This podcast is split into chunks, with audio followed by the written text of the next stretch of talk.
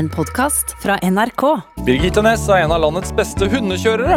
Hun er den eneste hundekjøreren i landet som har NM-tittel i samtlige disip disipliner innen vinterkjøring, og er jevnlig å finne helt i toppen av de store løpene som Femundløpet og Finnmarksløpet. Og når hun ikke er opptatt med hunder, da jobber hun som sykepleier. Dette er Drivkraft med Vegard Larsen i NRK P2. Birgitte Næss, velkommen til Drivkraft. Tusen takk. Hvordan har du det? Jo, jeg har det bra når jeg endelig fant fram nede i byen her. Så nå har jeg det rolig og godt. Ja, Kjørt inn til Oslo ens ærend. Ja. Ja, det er hyggelig. Er det, hvordan er en, kan, du, kan du trekke mikrofonen litt nær, eller sitte sånn eventuelt? Ja. Hvordan er en vanlig start på dagen for deg?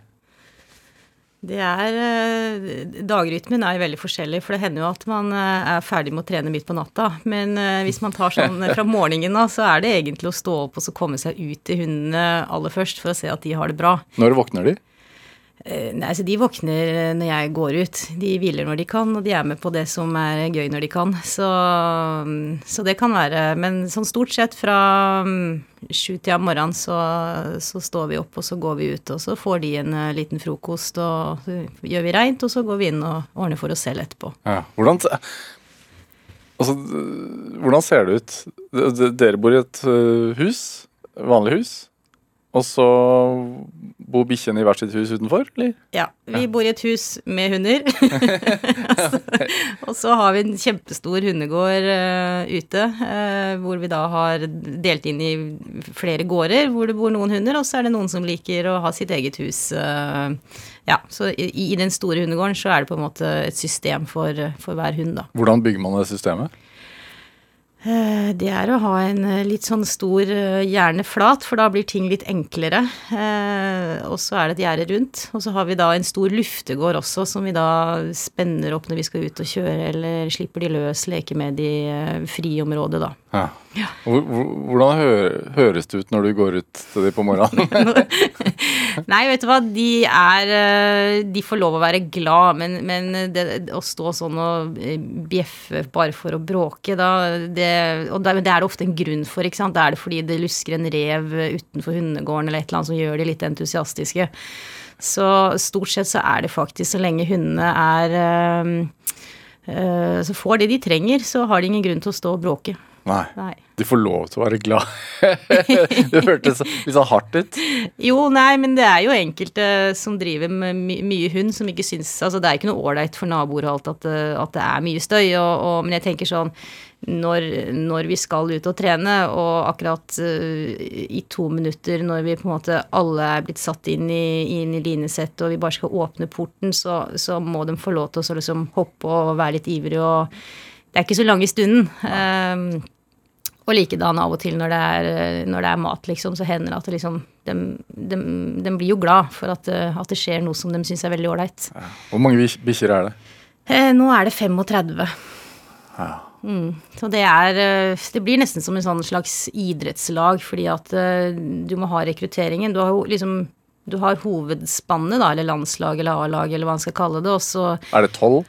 Ja, det er, det er nok det er litt mer enn det, for man, man blir veldig sårbar hvis man har Femundløpet har tolvspann og Finnmark har 14, så det bør være 16, så du har liksom noen å gå på hvis det er Ja.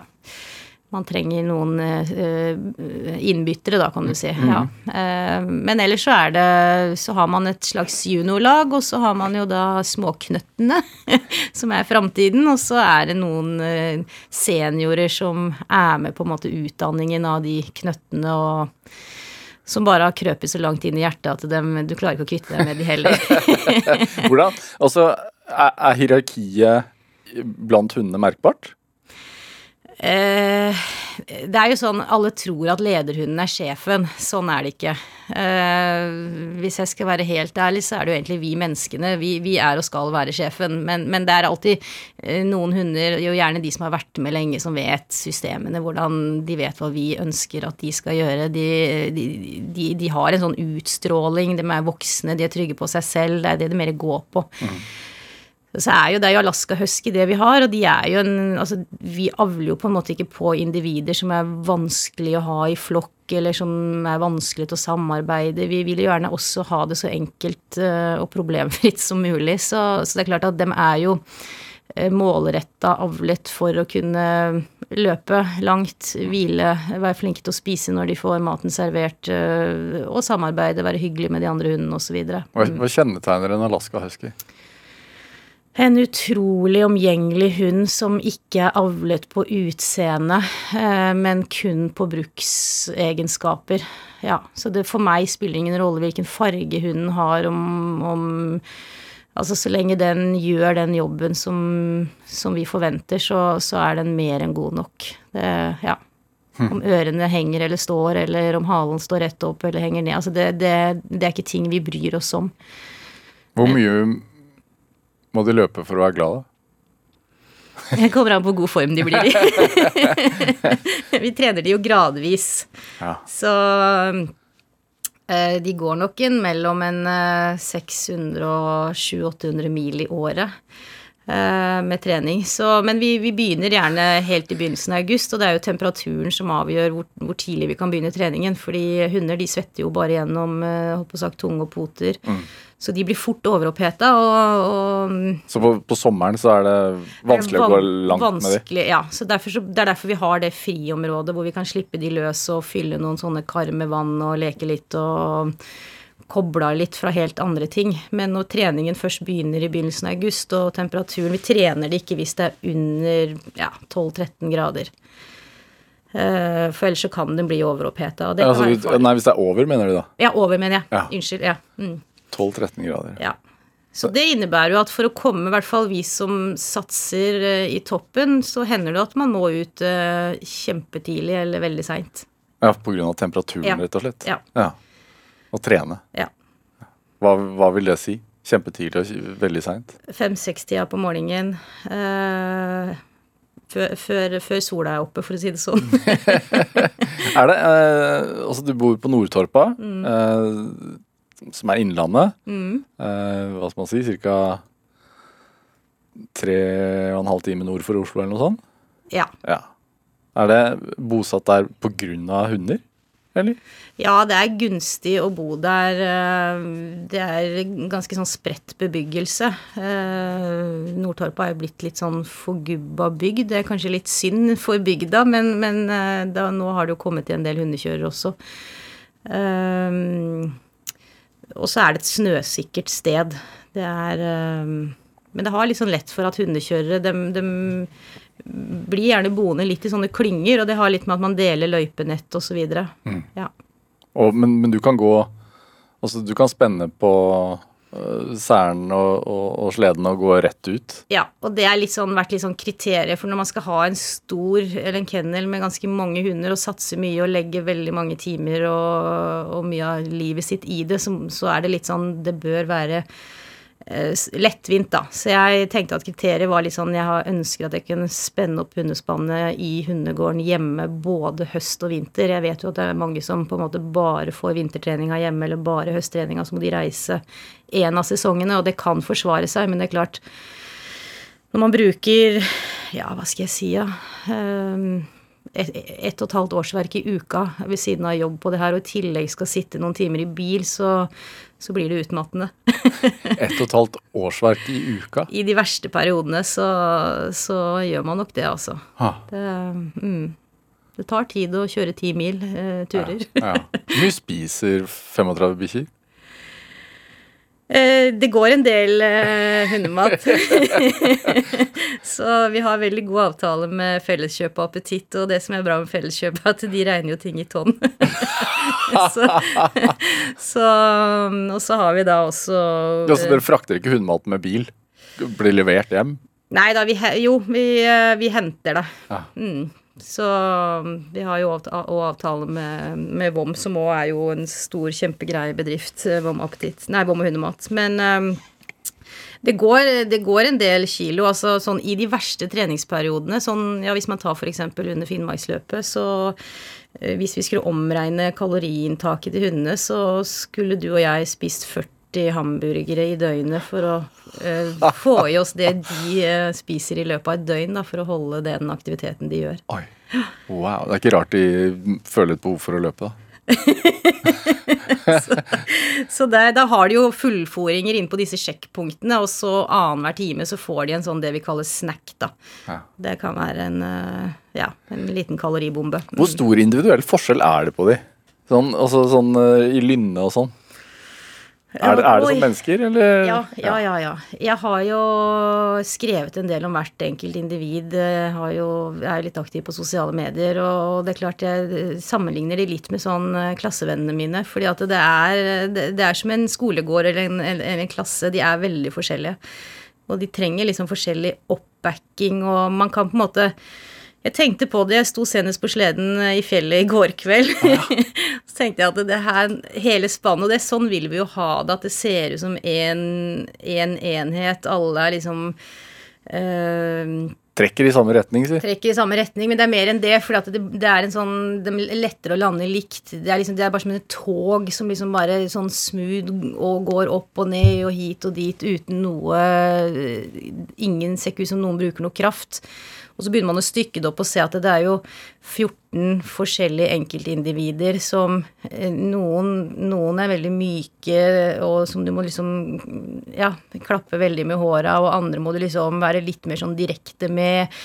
Uh, ja, så de er veldig forskjellige, og noen altså Det er litt sånn også hvem man setter de siden av hverandre. Uh, Ja, Noen kan ikke være ved siden av hverandre. ja, altså jeg har en hannhund som, som vi må sette sammen med kun brødra sine, for han er liksom Han er litt tøff med sidemannen og litt sånn Hva heter han? Klar og Slatan. så kan være litt sånn klar og tydelig, og det, det syns Bolt er litt skummelt. Og, så det er liksom sånne sammensetninger òg, men det er sånn man lærer seg, for vi er jo så mye sammen, de, og det er sånn jeg har jo ofte gjennom historien fått liksom spørsmål eh, Har du navn på alle hundene dine? Og, så, og jeg skjønner at spørsmålet kommer, og så blir jeg litt sånn Selvfølgelig har jeg det. For jeg, jeg er sikker på at jeg har sterkere bånd til de hundene enn enn herr Hansen har eh, til den hunden som ligger i sofaen, liksom. Fordi at de, de båndene som vi skaper, de skaper vi gjerne ja, altså i fjellet, i, eh, under arktiske forhold, under ekstremsituasjoner hvor vi må yte vårt beste alle sammen og stole på hverandres eh, instinkter for å klare det. Og det er klart at det skaper eh, litt sånn ubeskrivelige bånd som eh, jeg vet at etter jeg har kjørt Finnmark og, og Femund, så har jeg liksom kommet tilbake på jobb og skal liksom forklare enkelte hendelser, og så sitter folk der og er liksom Ok. Men, men det er bare noe jeg har sammen med hundene. Det, og det går ikke an å dele det videre. Jeg kan kun dele det med folk som har opplevd noe av det samme. Og du merker at hundene også har fått sterkere bånd Ja, til deg? ja. Den blir veldig sånn og det merker man underveis i løp. Det tar gjerne kanskje ut på tredje døgnet, eh, hvor den blir veldig, veldig sånn tuna på meg. Det kan være nok at jeg liksom snyter nesa, tar opp en, et papir som knitrer litt. Eh, den blir veldig sånn vare og veldig sånn eh, hva, hva gjør vi nå, hva skal vi gjøre nå, hvordan eh, vil du ha det nå? Eh, ja, det er nesten som en sånn Pleier å beskrive det som en slags eh, eh, Du vet, eh, smør som har stått på benken i, i solsteika, liksom. Så holde det smøret på den kniven, liksom. Og sånn er det litt å kjøre et hundespann etter hvert i de løpene òg. At det, det blir en veldig sånn en veldig spesiell greie. Dette er Drivkraft med Vegard Larsen i NRK P2. Og i dag er hundekjører Birgitte Næss her hos meg i Drivkraft på NRK P2. Altså, du, eh, du kjører hund, men, men dere driver også oppdrett? Du og, du og samboeren din? Uh, ja, eller oppdrett hovedsakelig til eget bruk. Ja. Mm. Så det er oppdrett for å få nye hunder inn på A-laget, rett og slett? Mm, ny generasjon, eller ny rekruttering, er det vel det heter. Ja. Ja. Hvordan, hvordan funker det? Altså, Hvor mange valper har dere?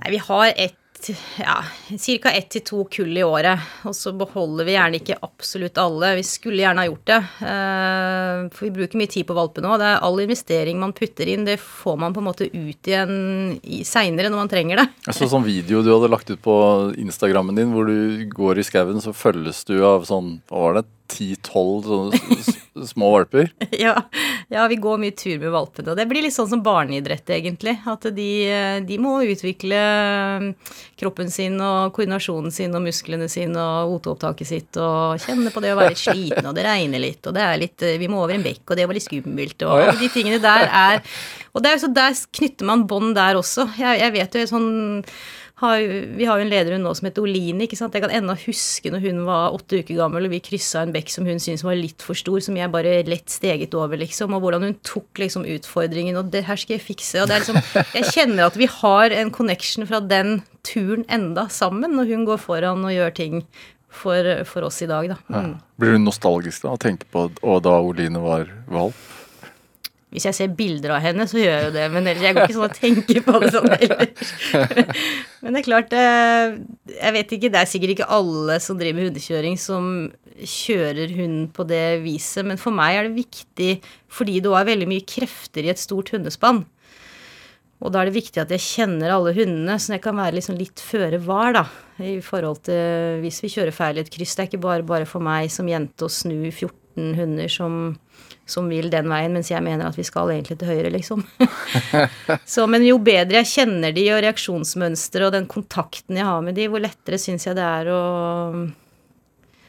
uh, ja, kjøre de i, i, gjennom alle hindringer, da. Ja, mm. Så du kjenner de veldig godt, med andre ord. Mm. Er du Når du er ute og kjører, er du streng? Nei. Jeg ehm, Nei, jeg, jeg, sier egentlig ganske lite, nesten ingenting til de. Eh, lederhundene får beskjed om høyre og venstre i kryss. Um, er det høyre og venstre, rett og slett, du sier, ja, eller? Ja. Lang høyre og kort venstre, bare for å skille litt på ordene. Og det skjønner de? Ja, en, jeg har en god del som skjønner det, og så er det alltid nye under opplæring. og så er det noen som, som uh, Hvordan trener man det opp til å forstå det, da?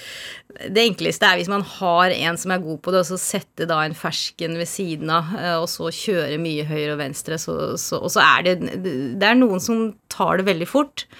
Som er på en måte ja, førervare, kan vi si, da. Eh, som følger med på hva jeg vil og prøver å gjøre det beste. Og så har du noen som er bare sånn besatt på å kjøre rett fram på sporet. Så det kan, av og til så er det vanskelig å få lederhunder til å gå ut av sporet og, og i løssnøen og lage en egen løype.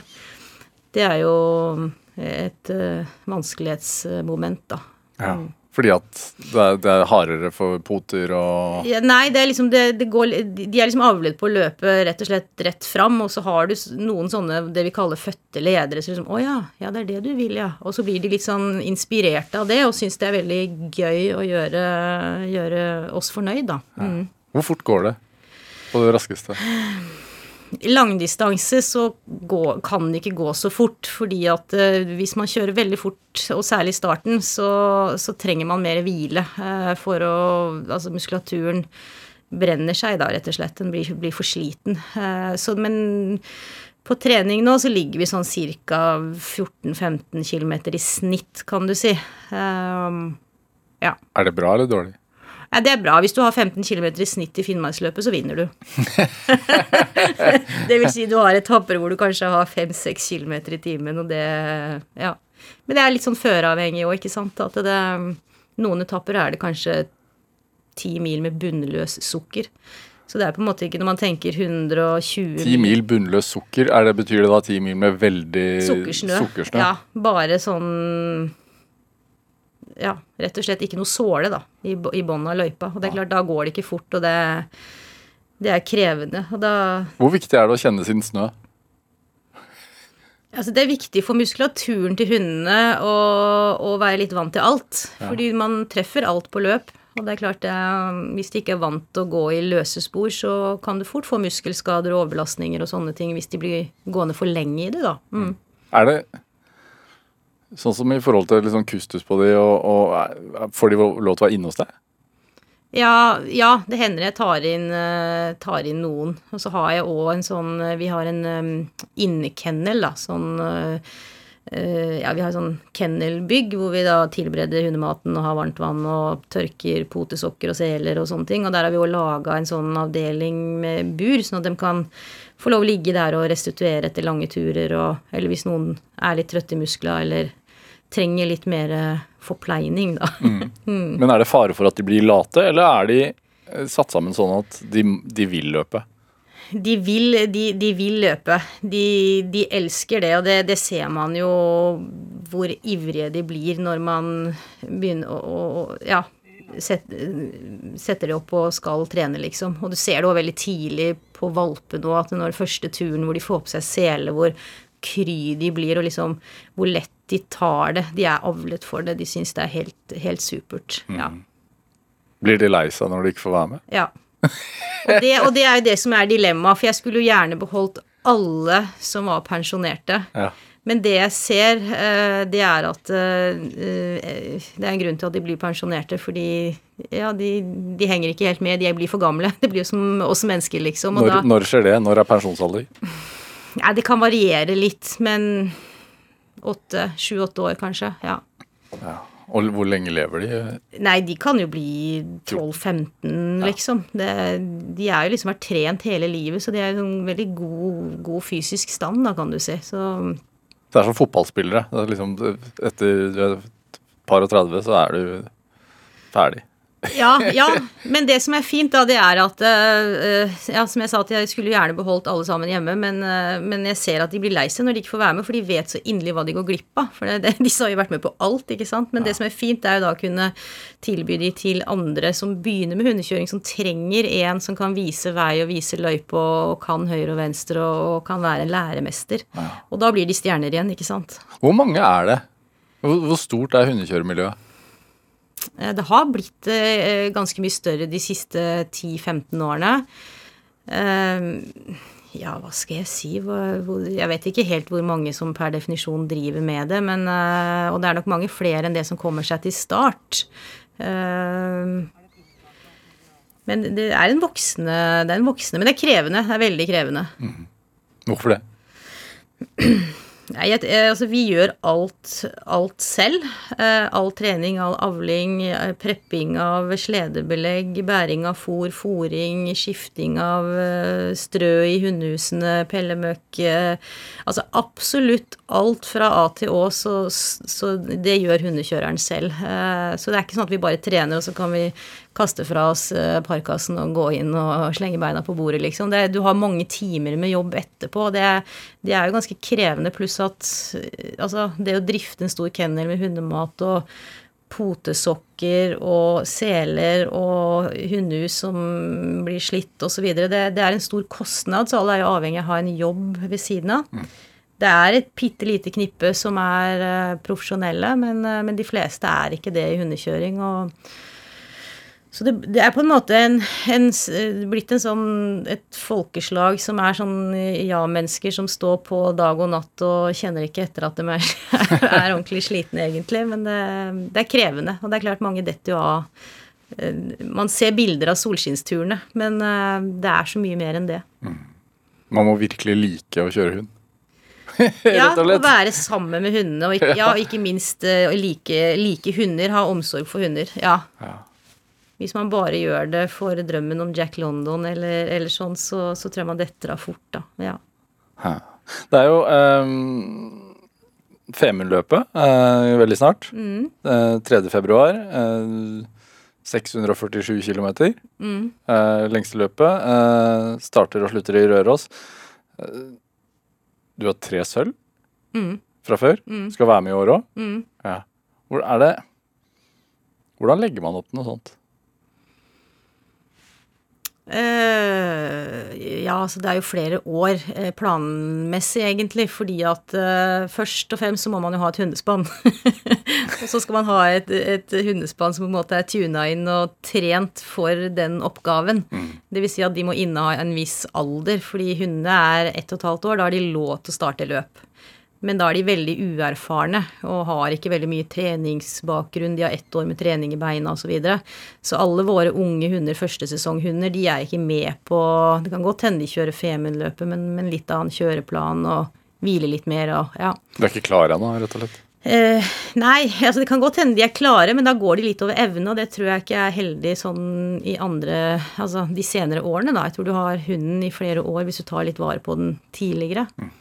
Så du kan si det, det spannet som jeg skal starte med, det, der er yngstemann eh, fire år. Og eldste eh, er vel seks. Ja. Ja. Så det er liksom sånn helt ideell alder. Så, de har, så det, det er sånn, hvor begynner man? Jo, man begynner noen år tilbake og, og, og lager seg et spann og finner den kjernen man jobber videre med. Og så er det jo da treningen. Eh, og den begynner jo da som sagt i august. Og så er det den progressiv, da. Man har et sett med mil som man trener gjennom i august, og så øker man det litt i september, oktober og og så, videre. og så kjører man noen løp og har noen sånne Man skaper bilder for hundene, hva de skal igjennom, da. Nå er jo de rutinerte hundene De vet jo de, de vet jo når de kommer på løpet hva de skal, og de, de, de Når de står på Røros, så vet at ja, det er Femundløpet. Hvordan er stemningen der? Med hundene Ja, altså For deltakerne også. altså sånn For deg å være der altså når du reiser opp til Røros. Hvordan, altså Jeg har aldri vært og Nei. Det er egentlig god stemning i hundekjøring. Det er, eh, ja, det er jo det. Og det er jo Altså, i hundekjøring, det, det tiltrekker egentlig alle folkeslag. Det, hva skal jeg si, du har Og det er liksom fordi vi kjemper i naturen, og naturen tar vel egentlig ikke hensyn til om du har veldig mye penger, eller om du eh, kommer fra gata, eller eh, om du er sykepleier, eller hva du er for noe. Så så alle stiller egentlig litt eh, med, med samme kort, da. Der og da. Så kan det jo selvfølgelig være utstyrsforskjeller og sånne ting, men, men det er en fin greie, syns jeg. En sånn litt sjarmerende ting med hundekjøringa som jeg liker. Er det noe, Men har dere noen fellestrekk, da? Dere som kjører? liker å slite. Eh, ja, det er klart det. Eh, vi har jo, det- Fellestrekk må jo være at man, man har en forkjærlighet for de firbente vennene man har med seg. Det er jo de som er heltene. Vi er egentlig bare coachene deres underveis. Det er de som gjør den absolutt største jobben. Og så er på en måte min jobb er jo å tilrettelegge at vi ikke skaffer oss følgefeil underveis, f.eks. Gjør jeg noe feil i starten, så straffer det seg mot slutten. ikke sant? Så, det, så, så jeg skal være en slags coach og tilrettelegger for hundene, da. Så du har lagt opp løpet sånn uh, Kjøreplan 70% den strekningen, 80% altså Ja, altså, det, men det kan være litt sånn Det er liksom man kan bytte litt eh, Jeg har jo, har jo ledere som setter høy fart, sant. Dem, dem kan jeg sette på enkelte etapper hvor man ønsker litt høyere fart. eh, Og så har kanskje ledere som setter litt lavere fart. De kan være fine å ha i starten. Ja, For å regulere tempoet, rett og slett? Ja. Eller hvis man trenger veldig styrbare ledere, hvis man kommer opp i ruskevær og litt vanskelig med å se stikker og hvor løypa går, og kanskje må kjøre bare etter GPS-en, liksom, så ja, for du ser ikke foran deg i det hele tatt? Ja, noen ganger så ser du bare de to bakerste hundene, liksom, og så har du tid til. Og hvor, hvor mange heftig. timer da? Nei, det kan være Jeg husker i Finnmark så hadde jeg det sånn i ni timer en gang, så Så det kan være mange timer, det, altså. Ja. Altså, jeg, jeg kjørte kjørt øh, hund en gang selv, i Alta, hos kusina mi som, som driver med, med, med hundekjøring der oppe. Og uh, det som slo meg, var hvor utrolig sterk naturopplevelse det ga. Fordi at uh, det var så stille. Mm. Og hundene lager jo ikke noe særlig lyd, de heller. Nei. Når, når du deltar på de løpene, er, folk, så tar du inn over den naturen da, eller? Ja. Ja. Ja, og det er en sånn eh, for min del eh, Det er sikkert ikke sånn for alle, men det er en sånn som en opplevelse som varer til langt ut på sommeren. Det å f.eks. kjøre et finnmarksløp eh, som Altså, er når man er ute i naturen, og da gjerne over en to-tre døgn, så, så skjer det noe etter en, en noen døgn. At du går inn i et slags primitivt modus. Eh, litt sånn urinstinkt, tror jeg, som vi har i oss alle sammen, men som vi hilser på veldig sjelden. Hvordan merker, altså, Går det an å beskrive det? Ja, for du blir mer obs på tegn i naturen. Eh, og så blir du litt sånn undrende til Å ja.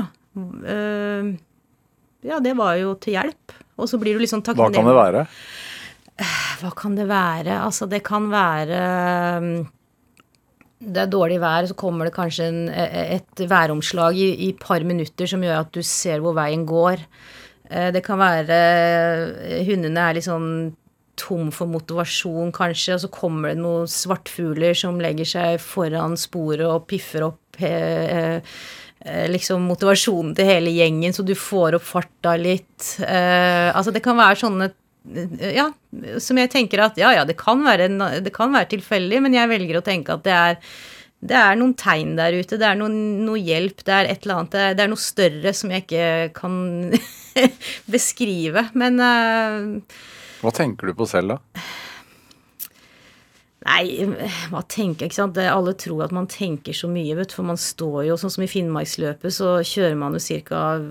Ja, rundt 20 mil i døgnet. Man, man står jo på sleden mer eller mindre døgnet rundt med korte pauser. Uh, men jeg kan jo ikke liksom si at jeg har fundert og kommet på så mange nye ideer eller tenkt så mye, så jeg, det må jo være en slags form for, for veldig lang meditasjon av noe slag. Og så er man bare er.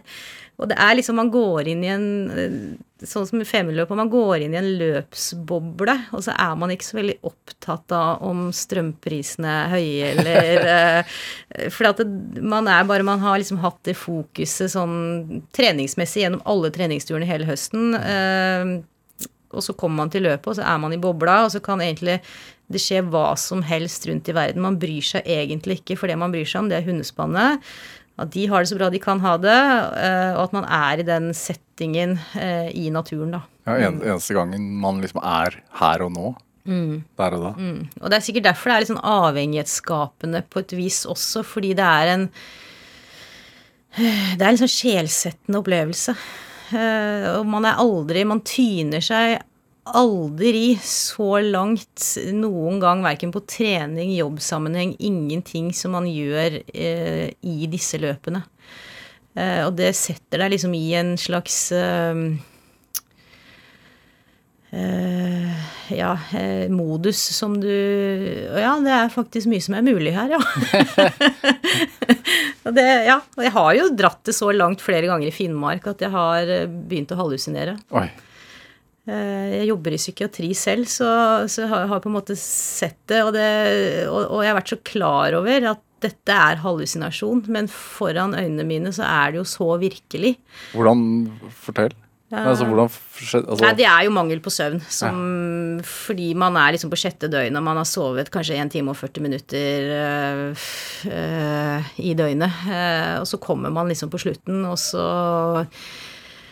ja, det er vel egentlig kroppen som sier for at nå Og er, man, først så begynner det med at man Og jeg syns kanskje søvn er det verste. Mangel på søvn er det aller verste i de lengste løpene. Uh, og da er det, det er så ekstremt at jeg kan ikke blunke, fordi hvis jeg blunker, så sovner jeg. Og når jeg da åpner opp øynene, så vet jeg ikke om jeg har vært borte i ett minutt eller tre timer. ikke sant? Uh, så begynner man gjerne før det igjen, sånn forstadiet på å liksom kle av seg altså, Eller gjør sånn at man føler seg litt kjølig, da, for man sovner jo ikke hvis man fryser. Man drar det veldig langt, slår seg i ansiktet, øh, putter øh, sterke altså Fishman friend i munnen for å få en annen smak. altså og, så, og så kommer man da til det stadiet hvor man da begynner å hallusinere. Og det Hva så du, da? Eh, det har vært forskjellige ting. Jeg har kjørt over eh, en Eller følelsen av at jeg har kjørt over en bru eh, hvor det er mange hundre meter ned, og den bruen er ikke breiere enn sledemeiene mine. så, og jeg må ikke få en av sledemeierne utenfor, for da detter jeg ned. jeg ser bare gatelysene Nei. under der sånn. Så det er sånn Man blir veldig sånn ja, litt skjerpa litt redd, ikke sant. Ja. Eh, jeg har òg sett eh, elefanter komme opp, eh, og det er særlig når vi driver med de elvetappene, hvor elva er liksom flere Altså fra, fra Levajok til Karasjok så har du ni mil på elv. Det er jo Oslo-Minnesund, ikke sant. Ja. Og den elva er jo kanskje et par hundre meter brei eller hundre meter, så Og det er bare hvitt, hvitt? Ja, hvitt, hvitt, hvitt. hvitt, ja. ja. Og hvis det snør, så er det ikke noe sikt heller? Nei. Ja. Uh, og det er liksom Svingene er så svære og lange at det, er liksom, det tar ti minutter å kjøre gjennom en sving. ikke sant? Så det er ikke noe sånn Det skjer ikke noe. Det er ikke noe sånn action, liksom. og det kan være innmari kaldt også. Og da, da liksom det kommer elefanter opp fra elvebredden som kommer liksom sånn sakte, men sikkert nærmere og nærmere. Så Nei, så man har uh, hatt noen sånne Men er, det, er dette forsvarlig å holde på? uh, Nei, det kan man spørre seg om. Det tar tid å restituere etter, eh, etter, et sånt løp. Og særlig Finnmark, for det er jo noen døgn lengre enn Femund. Altså, Femund er, ikke er kanskje et vanskeligere løp på sett og vis, men eh, Det er dobbelt så langt? Men Finnmark er dobbelt så lang, så du får noen netter eller døgn til uten søvn, da. Som eh, Og der er man jo forskjellig, ikke sant. Noen Men det er ikke noe sånn fasit på at den som er i best form, gjør det best, liksom. Det er så mange andre egenskaper som teller underveis. Og så skal man da ha et mantra under hele som skal være i pannebrasken, og det er 'Hva trenger hundespannet mitt nå?' Det er det aller Ja. viktigste. Det, de skal, man skal være en coach, liksom. Men eh, mm. Kanskje når du forteller det sånn, det er kanskje ikke så rart at liksom, spiritualitet og sånn har blitt en del av liksom, den samiske greia. Nei, det, det er klart at eh, det er noe med Holdt på sagt eh, Ja, eh, det er noe med det derre Om det er et urinstinkt eller hva det er for noe, men, men det skjer noe med en når man er der alene, man er sammen med hundene, man samarbeider, man må gjøre dette sammen, og så har du det mektige naturfenomenet oppi det hele. Ja. Jeg tenkte vi skulle spille litt uh, musikk, og du har med en, en uh, joik. Eh, The Reindeer Herders Joik. Hvorfor det? Eh, det er en jeg ofte legger på filmsnuttene på sosiale medier. Jeg syns den er kraftfull. eh, ja. Jeg har et godt forhold til den. Hører du på noe musikk når du, når du Nei, går? nei, jeg gjør ikke det. Mange gjør det, men jeg syns det fjerner eh, en del av eh, totalopplevelsen, så jeg gjør ikke det. Men er det representativt for liksom, følelsen av å kjøre, da? Den joiken? Ja. Ja. Ja. La oss høre.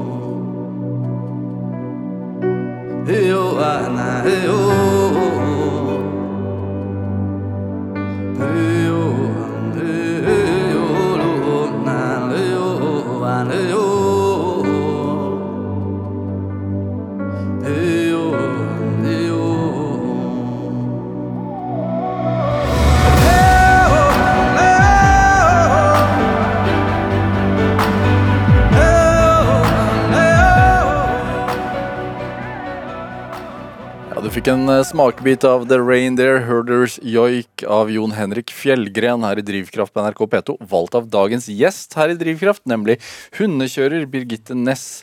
Eh, Vi snakket om eh, det å være så utslitt at man får hallusinasjoner. Mm. Er du redd på sånne turer?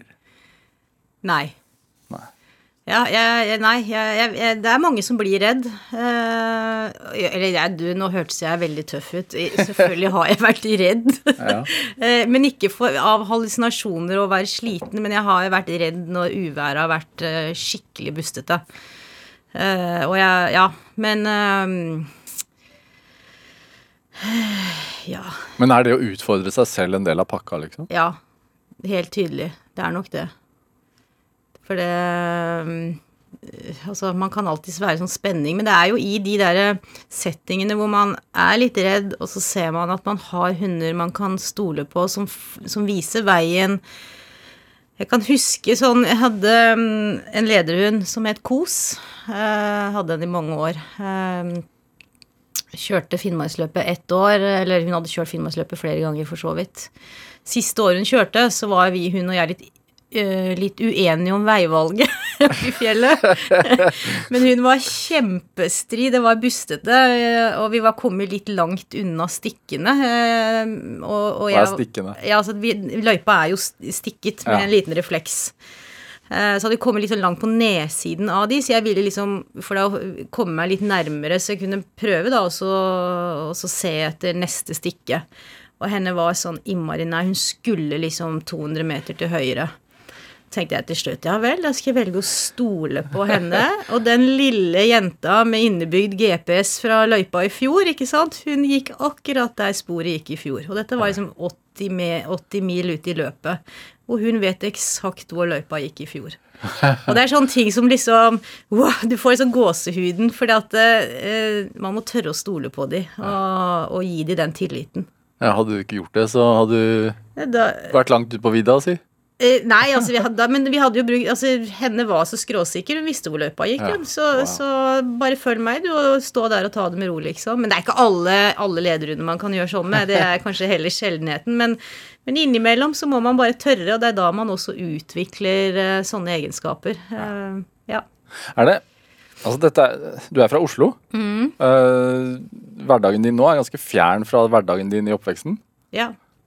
Jeg er jo vokst opp eh, på Bekkelaget. Eh, faren min var solotrompeter i operaen, og moren min var ballettdanser. Ja. Så de hadde nok en drøm om at, jeg, eh, at scenen min skulle være litt annen enn hvit og forblåst. ja, for du, du vokste så å si opp på operaen, Marta? Ja. ja. Det var vel mer eller mindre min barnevakt. Det var Den Norske Opera. For de hadde jo da prøver om dagen og forestilling om kvelden. Eh, Så jeg, men jeg merket eh, tidlig en sånn drivkraft mot det derre å kunne få være sammen med dyr. Eh, Da var jo, dette var jo ikke så langt unna Ekeberg, eh, stallen der, så det var jo mye oppe i stallen. Og, og pass, men så passet også søsteren min og jeg, vi passet jo hele nabolagets hunder, som vi Men For du hadde ikke hund selv? Nei. Nei. Nei, det var liksom fjernt det når vi var små. Det var jo på øverst på ønskelisten uh, hele tiden. Det var jo en liten hund. uh, Så var det noen tilfeldigheter som gjorde at uh, Jeg gikk jo på langrenn, alltid vært veldig aktiv, da, glad i konkurranse også. Det å måle litt krefter og, og være i aktivitet. Eh, Men eh, og har prøvd å spille instrumenter og danse, men det, det var ikke noe det, det lå ikke meg nært i det hele tatt. Men du kan si sånn, jeg reflekterer tilbake på det, så eh, hvem er ikke mer dedikerte enn holdt på å si, ballettdansere og, og musikere? Så, så den å vokse opp med den og se at foreldrene er såpass dedikerte, det har nok jeg tatt med meg videre i det jeg gjør i dag. Hvordan, hvordan merket du det, da? Eh, nei, altså, jeg gir meg jo aldri. Sjelden. Eh, det er jo det å stå på eh, Ja. Men du begynte med Altså Nå kjører du hund med slede, men du begynte med Begynte med ski og én hund og og, hund, ja. og det som heter nordisk kjørestil, da. Ja. Eh, for man kunne ikke ha en stor kennel på med en gang, så det var liksom å få snikinnført eh, vi, vi fikk pappa til å ville prøve seg på jakt, og han syntes det var litt morsomt, da. Da fikk vi inn en forster i huset. Lu, lurte han, rett og slett? så, så mm, Og det var jo Det, det var den første, første hunden vi hadde, Charlie, en liten hund som vi egentlig ble anbefalt å kjøpe, som, som skulle fungere bra fra gode blodslinjer osv. Det ble jo ingen suksess i det hele tatt. Han var kjempenervøs, kjemperedd. eh, Ja, klarte ikke Ville ikke trekke Alt var, og vi gjorde sikkert alle feil som gikk an å gjøre også med den hunden. Eh, Men han ble på en måte sånn eh, symbol på at eh, ok, vi, vi gir oss ikke. Men jeg husker han var min følgesvenn. Jeg var eh, ti år da jeg fikk han, og han lå i senga mi. Han eh, var på rommet mitt hele tiden. Han Hva ga det deg som barn å få, få hunden?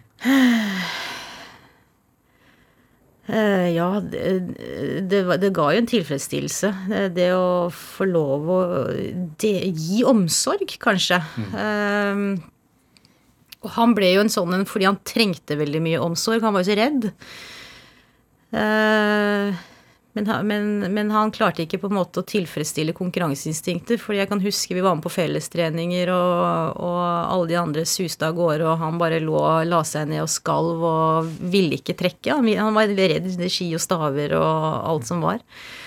Så gikk jo mange, mange, mange omveier med han, da, og til slutt så innså vel faren min at, eh, at hvis eh, Så han, han ga han bort til en, en kollega av seg.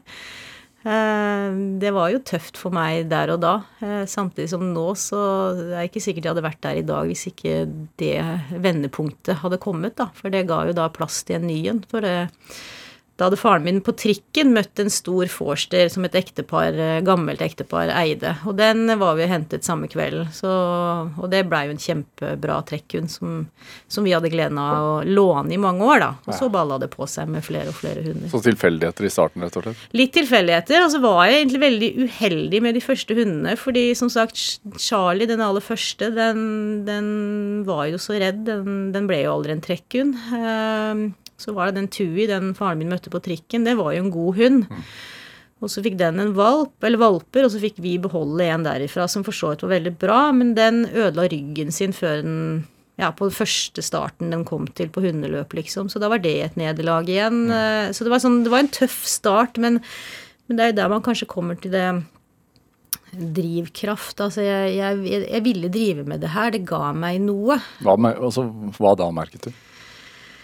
Det må ha vært en tilfredsstillelse. Jeg var mer i vater. Det å kunne være sammen, dele øyeblikkene med en firbent venn, og, og den ga meg jo litt sånn action med at eh, det var full fart og på sykkel eller på ski eller Det var jo gøy. Jeg husker jeg var nok litt sånn spesiell, for jeg husker vi bodde jo ikke nærme Oslo, altså Oslomarka eller Nord Nordmarka. Vi bodde jo nærme Ekebergsletta, men den ble jo litt liten etter, etter hvert. Så, så jeg husker jo liksom jeg tok eh, både ski og, og skisko og hundene og tok liksom trikken til byen og bussen til Maridalen og gikk på ski der og samme tilbake igjen. Og da var jo folk på vei eh, til byen for å være på byen, Ja. mens jeg kom der i full skiutrustning og hadde vært på skauen, liksom. Det Nei, jeg vet ikke. Det, Høres jo litt ensomt ut, men det var det det? Kjempesært ut. Ja. Nei, det var ikke Jeg har aldri, aldri følt meg ensom sammen med hundene. Jeg har jo ikke det. Og det er ikke det at vi har så dype samtaler, øh, men øh, øh, Det er nok det øh, Nei, dette er ja, vanskelig å sette helt ord på, men det, gir, det gir meg noe fullkomment, i hvert fall. Du er, altså, du er utdannet sykepleier. Eh, jobber i, innenfor psykiatrien, som du har sagt. Er det en jobb og hunden din er hobby, eller er det en jobb du må ha for å kunne drive med hunder som en annen jobb? Eller hvordan, hvordan ser du på det? Det er godt å komme ut av hundekjørebobla innimellom, fordi den er ganske altoppslukende. Så jeg syns at det er veldig ålreit å ha en jobb ved siden av som øh, Hvor du treffer noen mennesker? Ja, øh, får utfordra hjernen på noe annet. Treffer noen mennesker og Ja, nei, altså Ja. Jeg er glad i det faglige rundt sykepleiefaget. sykepleierfaget. Så jeg syns det også er spennende. Ja. Jeg er jo en engasjert person, egentlig. Men du har lagt opp arbeidslivet ditt sånn at du kan drive med hund? Det som er fint nå, er at jeg jobber i noe som heter medleverturnus. Som gjør at man komprimerer eh, fritid og arbeidstid. Og det gjør at man, når man er på jobb, så er man skikkelig på jobb. Og så når man eh, ikke er på jobb, så eh, er man hjemme. Mm. Så korte dager, eller sånn kort tid på jobb, og, hvor det er intenst, og så mm. lengre hjemme. Ja. Og det ja, Nå har jeg egentlig jobbet i alle mulige turnuser de siste årene, og det syns det fungerer egentlig greit. Ja. I forhold, eller i forhold til livsstilen, da. Det er litt sånn hvor man er i livet, egentlig. Men um, jeg tror ikke jeg ville hatt en tilværelse hvor jeg ikke hadde en jobb. Jeg vil uh, tror det er sunt å ha litt sånn litt annet kaos ved siden av. Ellers så blir man veldig enspora. Nei.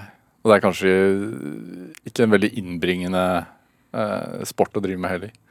Nei, eh, det er det ikke. Eh, dessverre, egentlig. Eller hva skal jeg si, det er kanskje ikke dessverre heller. For det, i det øyeblikket det blir mye penger i ting, så blir det mye annet som ikke er så sunt også. Men, eh, men eh, nei, man blir, eh, man blir ikke rik av hundekjøring, men man blir rik av opplevelser. Det gjør man. Hvor viktig er det at du har en mann som driver med det samme? Eh, Jeg tror det er ganske viktig, for at eh, de fleste hvis, hvis folk ser hvor mye man legger i det, sånn dag og natt, liksom, så er det jo egentlig litt sånn høl i huet, da. det er liksom Vet ikke helt om det er morgen eller kveld, eller bare man får kjørt de milene man har planlagt, så ja. Jeg vet at Du holder noen foredrag noen ganger eh, som bl.a. handler om å ikke, ikke gi opp drømmen. Eh, og ikke gi opp altså, hva skal man si, å ha mot. da. Hva, hva, hva handler det om?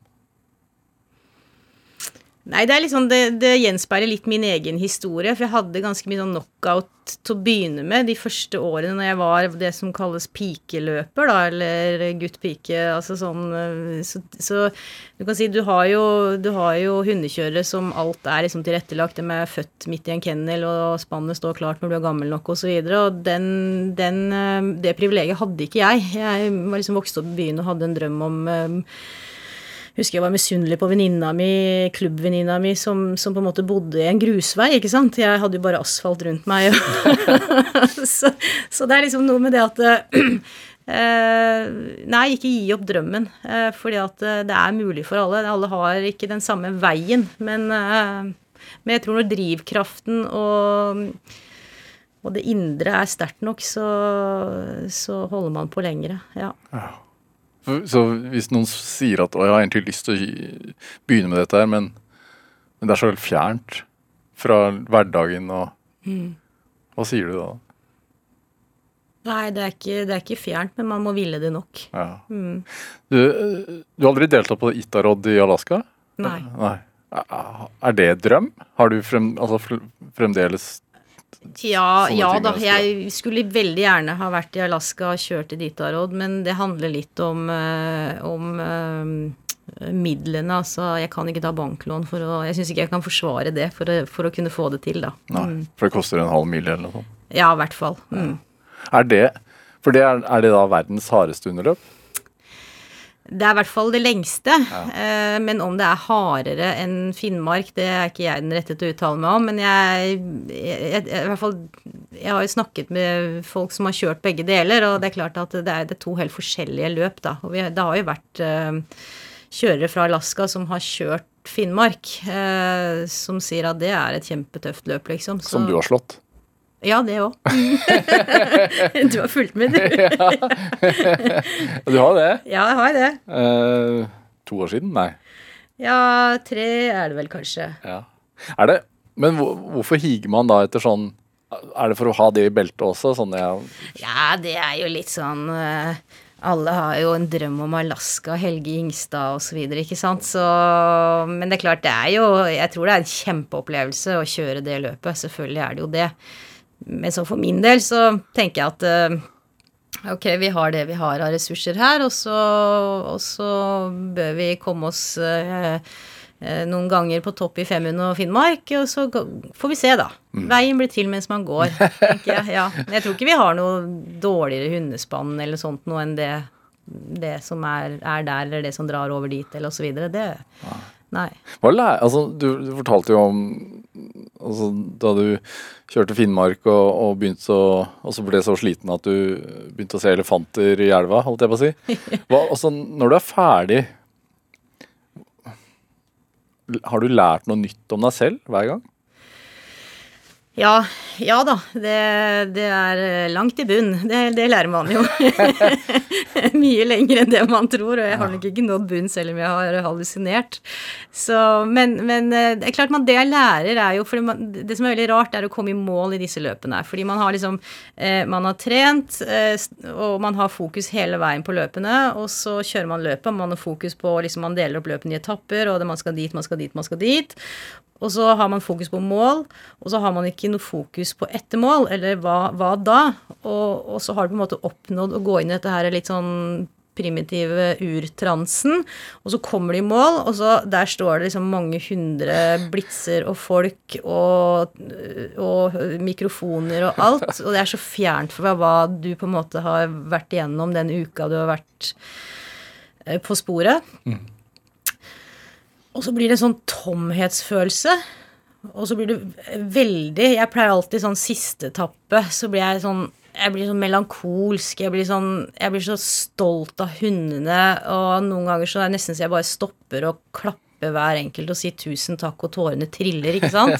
Det høres helt sånn rart ut, men det er en sånn sterk opplevelse hva, dem har, hva vi har opplevd sammen da, i en uke fra Alta til Kirkenes og tilbake, liksom. Eh, Og så kommer man i mål, og så er det en sånn tomhetsfølelse, og noen hiver seg over hundene og skal liksom ja, ha de seler, og veterinæren skal sjekke de og sånne ting, og så har du egentlig bare lyst til å ta med deg hundespann og vet du hva, nå Nei, vi, vi, vi vil ha det litt rolig. Så det er sånn Det blir sånn sjokkopplevelse, en tomhet, og så kommer man på det at det jeg egentlig har satt mest pris på underveis, det er jo den kontakten, det er de tørre ullsokkene, det er den termosen om, om om solbærtoddyen var liksom litt for svak. Det gjør ingenting, for den smakte så inderlig godt akkurat der og da. Så det er de derre små, små tingene som man må sette pris på i hverdagen. Får hundene noen premie, da?